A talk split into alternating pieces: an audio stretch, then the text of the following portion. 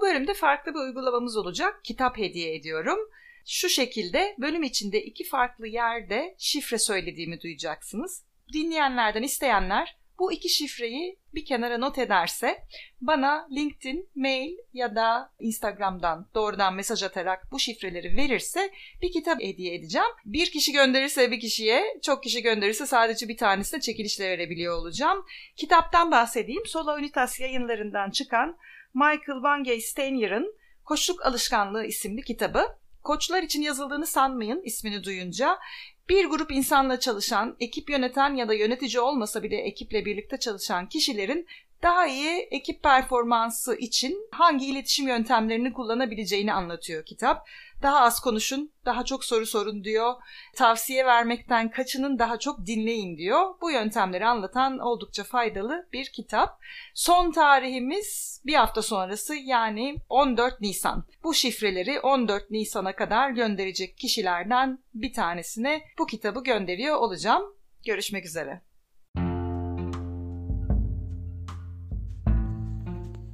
İş ve Yaşam serisine hoş geldiniz. Bu seri yayınlanmış yazılarımın sesli hallerinden oluşuyor. Benim ismim Ece Ağabeyoğlu, örgütsel psikoloji uzmanı ve kariyer koçuyum. Makalelerimi kendiyolun.com internet sitemde bulabilirsiniz. Burada ise okumaktansa dinlemeyi tercih edenler için sesli hallerini yayınlamaya devam ediyorum. Umarım beğenerek dinlersiniz. Herkese merhaba.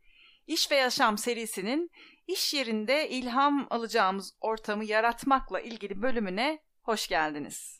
İlham alabildiğiniz bir ortamda bulunmak sizin için ne kadar önemli? Bu kavram genelde sanatçılar için gereklidir diye düşünülür.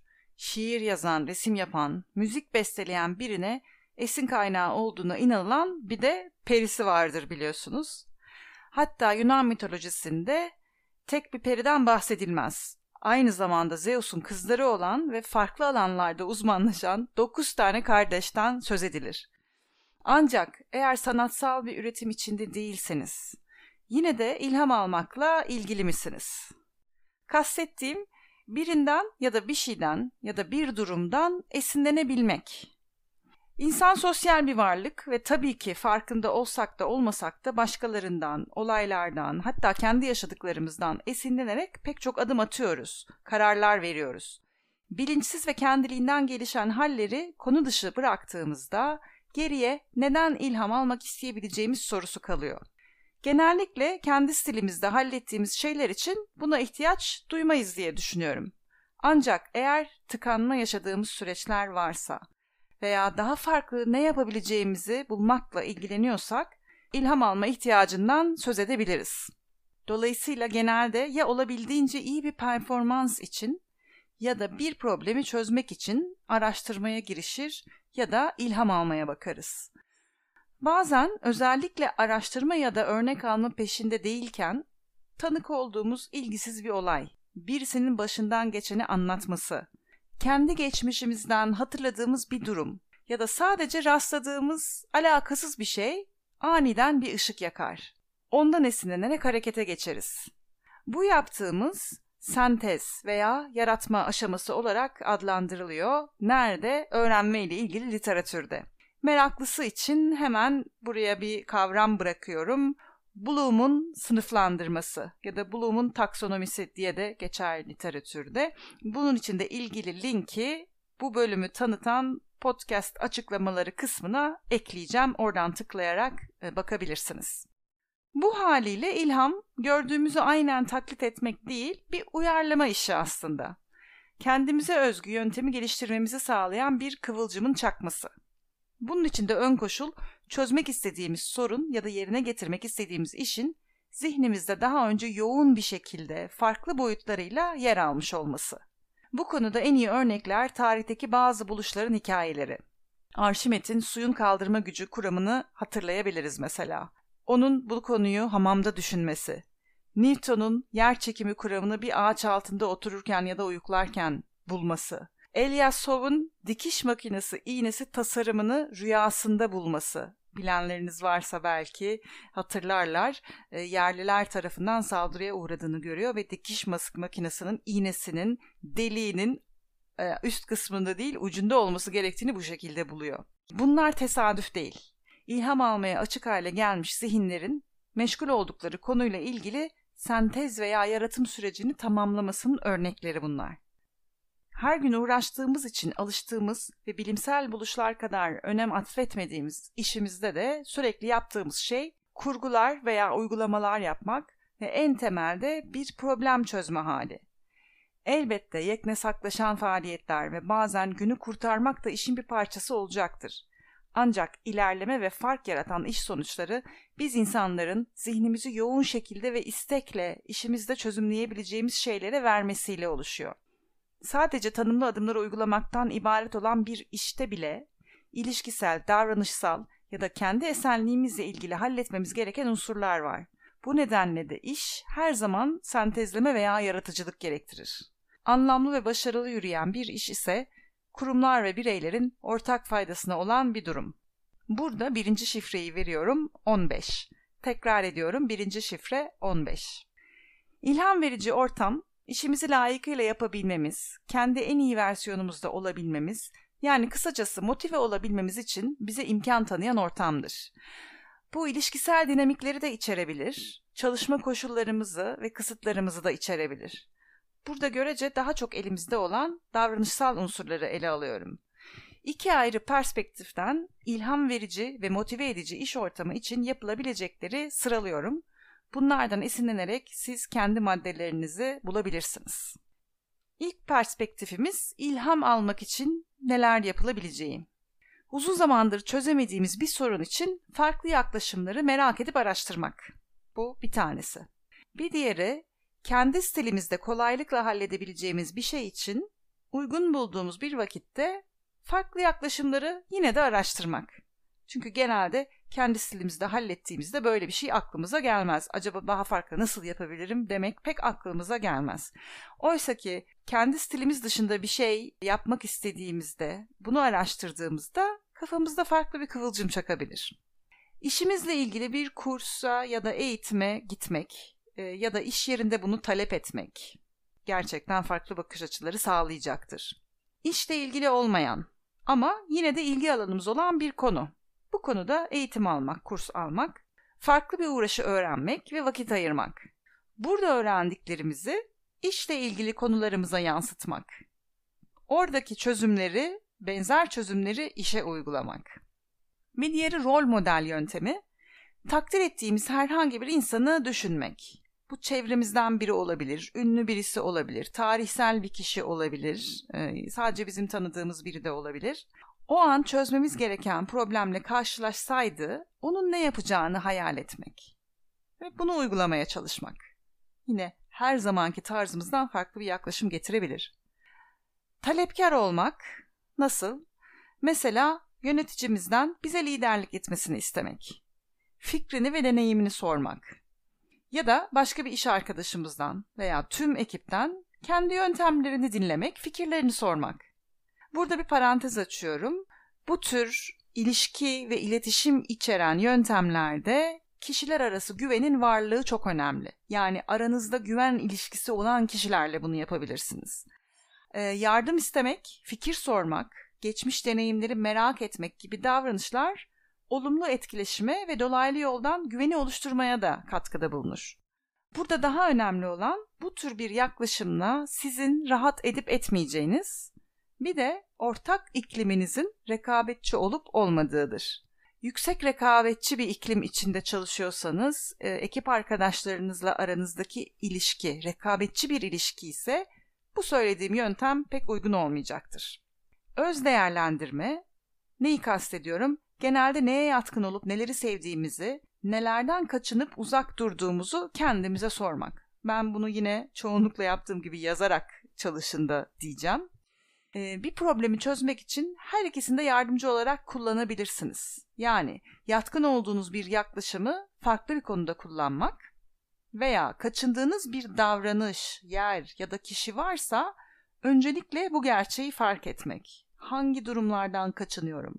Kimden kaçınıyorum, karşılaşmak istemiyorum ya da şu davranıştan özellikle uzak duruyorum dediğiniz ne varsa bunları bir tespit etmek. Ardından kendi belirleyeceğiniz güvenli bir alan yaratarak ufak bir adımla bunun zıttını deneyimlemeye çalışmak.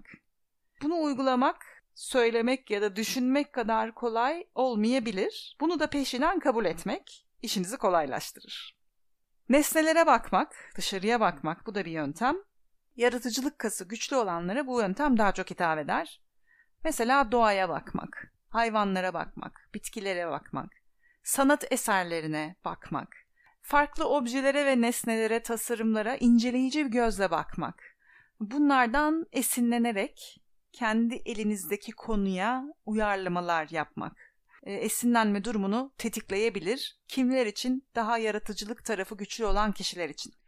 İzleyeceğiniz filmlere, okuduğunuz romanlara, örüntüleri, oradaki durumları tespit etme amacıyla bakmak. Mesajları, detayları inceleyerek bakmak sizin de kafanızda çözeceğiniz problem ya da farklı yol bulmak istediğiniz konuyla ilgili yeni şeyler oluşturacaktır. Bir diğeri de çalışma ortamını buna göre ayarlamak. Zihninizde var olan bilgiyi yaratıcı şekilde sentezleyebilmek, dış etkileri ayarlamakla da sağlanıyor çünkü. Rahat konsantre olabileceğiniz koşulları kendiniz yarattığınız anda ilham perisi servise başlayabilir. Bu evinizde olabilir. Eğer ev dışında bir çalışma ortamınız varsa mümkünse iş ortamında da bunu sağlayabilirsiniz. Diğer perspektif ne olabilir? İlham vermek. İlham verici olmak için neler yapalım? Buradan sonraki kısımda kaynak olarak yönetsel rollerdeki kişiler için yazılmış bir makaleyi kullandım. Bu makalenin de linkini yine dinlediğiniz podcast platformunda bu bölümün açıklamaları arasında linkini ekleyeceğim. Oradan tıklayarak kendiniz okuyabilirsiniz. Birebir çevirisi şeklinde anlatmıyorum. Yine burada bahsedeceğim kısımda benim yorumlarım var. Bahsettiğim kaynakta Forbes makalesi. İnsanlara neyi nasıl yapmaları gerektiğinden çok katkılarının neden önemli olduğunu ve kurumun ilerlemesiyle bağlantısını anlatabilmek. Onları bu yönde destekler. Yapılan işlerin çıktılarını göstermek. Bunu yapmanın en iyi yolu. Kimi işlerde bütüne olan katkıyı görmek daha kolay, kimisinde daha zordur. İkincisinde yani daha zor olduğu durumda bu bağlantıları ve nihai sonucu ne kadar elle tutulur şekilde algılamalarını sağlayabilirsek o kadar ilham verici olacaktır. Bir diğeri kar odaklılığın ötesine geçmek. Ne demek istiyorum? Değerlere hizmet eden politikaları ve projeleri devreye almak. Kurumsal sosyal sorumluluk bu kapsama girer. Örneğin tedarikte gözetilen kurallar ya da pozitif ayrımcı süreçler de bu işe yarar. Böylelikle insanlara bu bakış açısını ilham alan ve kendi erdemlerini hayata geçirebilecekleri şeyleri yapma motivasyonu sağlanır. Ayrıca değerleriyle çelişmeyen bir ortamda bulunmaları insanları daha rahat ve motive kılacaktır. Tanımakla ilgili bir maddemiz var. Kişileri ve kişiliklerini yakından tanımaya çalışmak. Her insanın benzersiz yönlerinin farkında olmak, bunları keşfetmeye istekli olmak, insanlarda değer verilme duygusunu oluşturduğu gibi yönetici için doğru görev dağılımı ya da kimin hangi konuda daha çok katkı sağlayacağının farkında olma gibi bir avantaj da sağlar. İnsanları tanıdığımızı sanabiliriz. Zaman zaman varsayımla böyle düşünüyoruz. Ancak tanıdığımızı düşündüğümüz bir kişi için bile farklı yönleri acaba ne olabilir? Böyle bir konuda nasıl düşünür, nasıl hissediyor gibi ya da benim farkında olmadığım hangi alanlarda bir takım yönleri var diye bakmak bunu tetikleyecektir. İnsanlara neye ihtiyaçları olduğunu kendilerinin bulmasını sağlayan, fikirlerini önemseyen ve çözümün bir parçası olmalarını özendiren yaklaşım içinde olmak. Bu da yine ne yapacaklarını söylemekten çok doğru soruları sormayı, gerektiğinde yönlendirerek geri çekilmeyi gerektirecektir. Burada geniş bir kavramdan bahsettiğimin farkındayım. Düşündürmek amacıyla sadece bu şekilde bırakıyorum. Yani ne yapacağını söylemek değil, doğru soruları sormak. Acaba ne olabilir bu sorular? Gerektiğinde biraz yönlendirip sonrasında geri çekilip kişilerin kendi yöntemlerini kendilerinin bulmalarını sağlamak, bunu özendirmek, buna izin veren bir ortamı sağlamak diye geniş bir şeyden bahsediyorum. Sadece fikir paylaşımlarını değil, bir fikrin uygulamasının içinde yer almalarını da sağlamak. Ee, yani kişilerin fikirlerini paylaşmalarını sağlamak gerçekten iyi bir şey, katılımcı bir ortam yaratır. Ama bununla yetinmeyin demeye çalışıyor bu makale. Fikrin uygulanmasının içinde yer almaları demek, mesela projelere katılmaları, yeni şeyler öğrenmeleri ve işin deneyimlemedikleri kısımlarında deneyimlemeleri onlar için yine tetikleyici olacaktır. Bu koşulları sağlamanız çok iyi bir fikir olabilir. Performans değerlendirme görüşmesinde hedefe göre performansın ne seviyede gerçekleştiğini ve nasıl daha iyi olabileceğini karşılıklı konuşmanın ötesine geçmek. Bu dediğim zaten gerekli ve iyi bir şey. Yani hedefe göre performansın ne seviyede olduğunu ortaya koymak, e, nasıl daha iyi olabileceğini karşılıklı konuşmak evet. Peki ötesinde ne yapılabilir? Gerçekleşen performansın her ne seviyede olursa olsun sistem içinde neye karşılık geldiğini hesaplayarak göstermek. Mümkünse rakamsal veriyle. Örneğin kurumun toplam faaliyeti içinde bu rakamın başka hangi sonuçlara denk geldiğini göstermek. Mesela parasal bir tutarsa cironun ya da yapılan belli bir tutardaki yatırımının ya da belli bir faaliyetin toplam tutarının yüzdesi olarak ifade etmek. Zamansal bir değeri varsa zaman birimiyle ölçülen herhangi bir göstergenin yüzdesi olarak ifade etmek. Rakamla ölçülemeyen bir performans için kurum hedefleriyle ne ölçüde bağdaştığını paylaşmak gibi. Burada amaç yine kişinin katkısının somut olarak kurum bünyesinde ne büyüklükte ve hangi yönde bir sonuca hizmet ettiğini somutlaştırmak. Çeşitli projeler yaratıp ulaşılmasını istediğimiz hedefleri belirterek kişilere bu projelerin yönetimini vermek. Düzenli toplantılarla proje gidişatını tartışırken projenin sahipliğini üstlenen kişinin değişimine, kotardığı ve zorlandığı alanlara bakarak onu yakından tanımak. Bu bilgiyi o kişiyi motive etmede ve gelişimini desteklemede anahtar olarak kullanmak. Yani burada yarattığımız projelerin başarılı olup olmaması birinci öncelik değil. Dikkatinizi buraya çekmek isterim. Projeleri aslında kişilerin bir şeylerle uğraşmaları ve başarı için bir takım faaliyetlerde bulunmaları için araç olarak kullanıyoruz. Ve proje boyunca kişinin yaşadığı değişimi e, ya da destek olunabilecek şeyleri konu etmek için kullanıyoruz. Saygı kazanma ve kurum içi saygınlık konusunda rol model olmak ve ekibe bunun önemini anlatmak. Rekabetçi iş ortamlarının doğal sonucu olarak başarılanlar, tamamlananlar, hayata geçen işler ile tanınırlık kazanmak ve herkesin kendi reklamını yapmasının tavır ve tutumla kazanılan saygı ile arasındaki farkı göstermek. Çünkü alıştığımız yaklaşım genelde herkesin böyle kendi reklamını yapacak şekilde kendini ortaya koyması. Fakat bunun yanında bir de genel tavırlarımız, tutumlarımız ile kazandığımız bir saygı vardır. Bu ikisinin arasındaki farkı göstermek ve rol model olmak da işe yarar. Kişilerin bireysel gelişimini önemsemek ve desteklemek. Bu eğitim almalarını sağlamak da olabilir. Okumaları için bir makale ya da kitap paylaşmak da olabilir. Daha da etkilisi gelişimlerini ilgilendiren bir konu ya da farklı başlıklarda fikir ve deneyim paylaşımı toplantıları organize etmek olabilir. Güvene dayalı ilişki kurmak. Birine güvendiğimizin en iyi göstergesi onlara inanmaktır. Liderin kendilerinin kapasitesine inandığını görmeleri insanlar için çok büyük bir motivatördür. İş ortamımızdaki unsurların tamamı kontrolümüz altında değil. İkinci şifreyi veriyorum 04. Tekrar ediyorum 04. İş ortamımızdaki unsurların tamamı kontrolümüz altında değil. Ancak niyetimizin sürdürmek olduğu her ortamda, sürdürülebilir kılmak istediğimiz her ortamda hangi bakış açılarımızın bizi zorladığının, hangilerinin işimize yaradığının sürekli farkında olmak, kendimize zaman tanımak ve farklı renkte gözlükleri takıp nelerin göründüğünü izlemek, eğer istersek her zaman yapabileceğimiz ve zamanla esnekliğimizi ve gücümüzü artıran pratikler. Bol bol ilham dolu günler dileğiyle. Dinlediğiniz için teşekkürler. Benim adım Ece Ağabeyoğlu, örgütsel psikoloji uzmanı ve kariyer koçuyum. Bu podcast yayınlarımı beğeniyorsanız ve çevrenizde faydalanabilecekler varsa paylaşmayı ve takibe almayı lütfen unutmayın.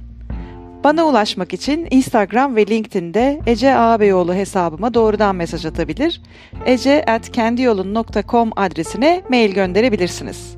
Kendinize çok iyi bakın.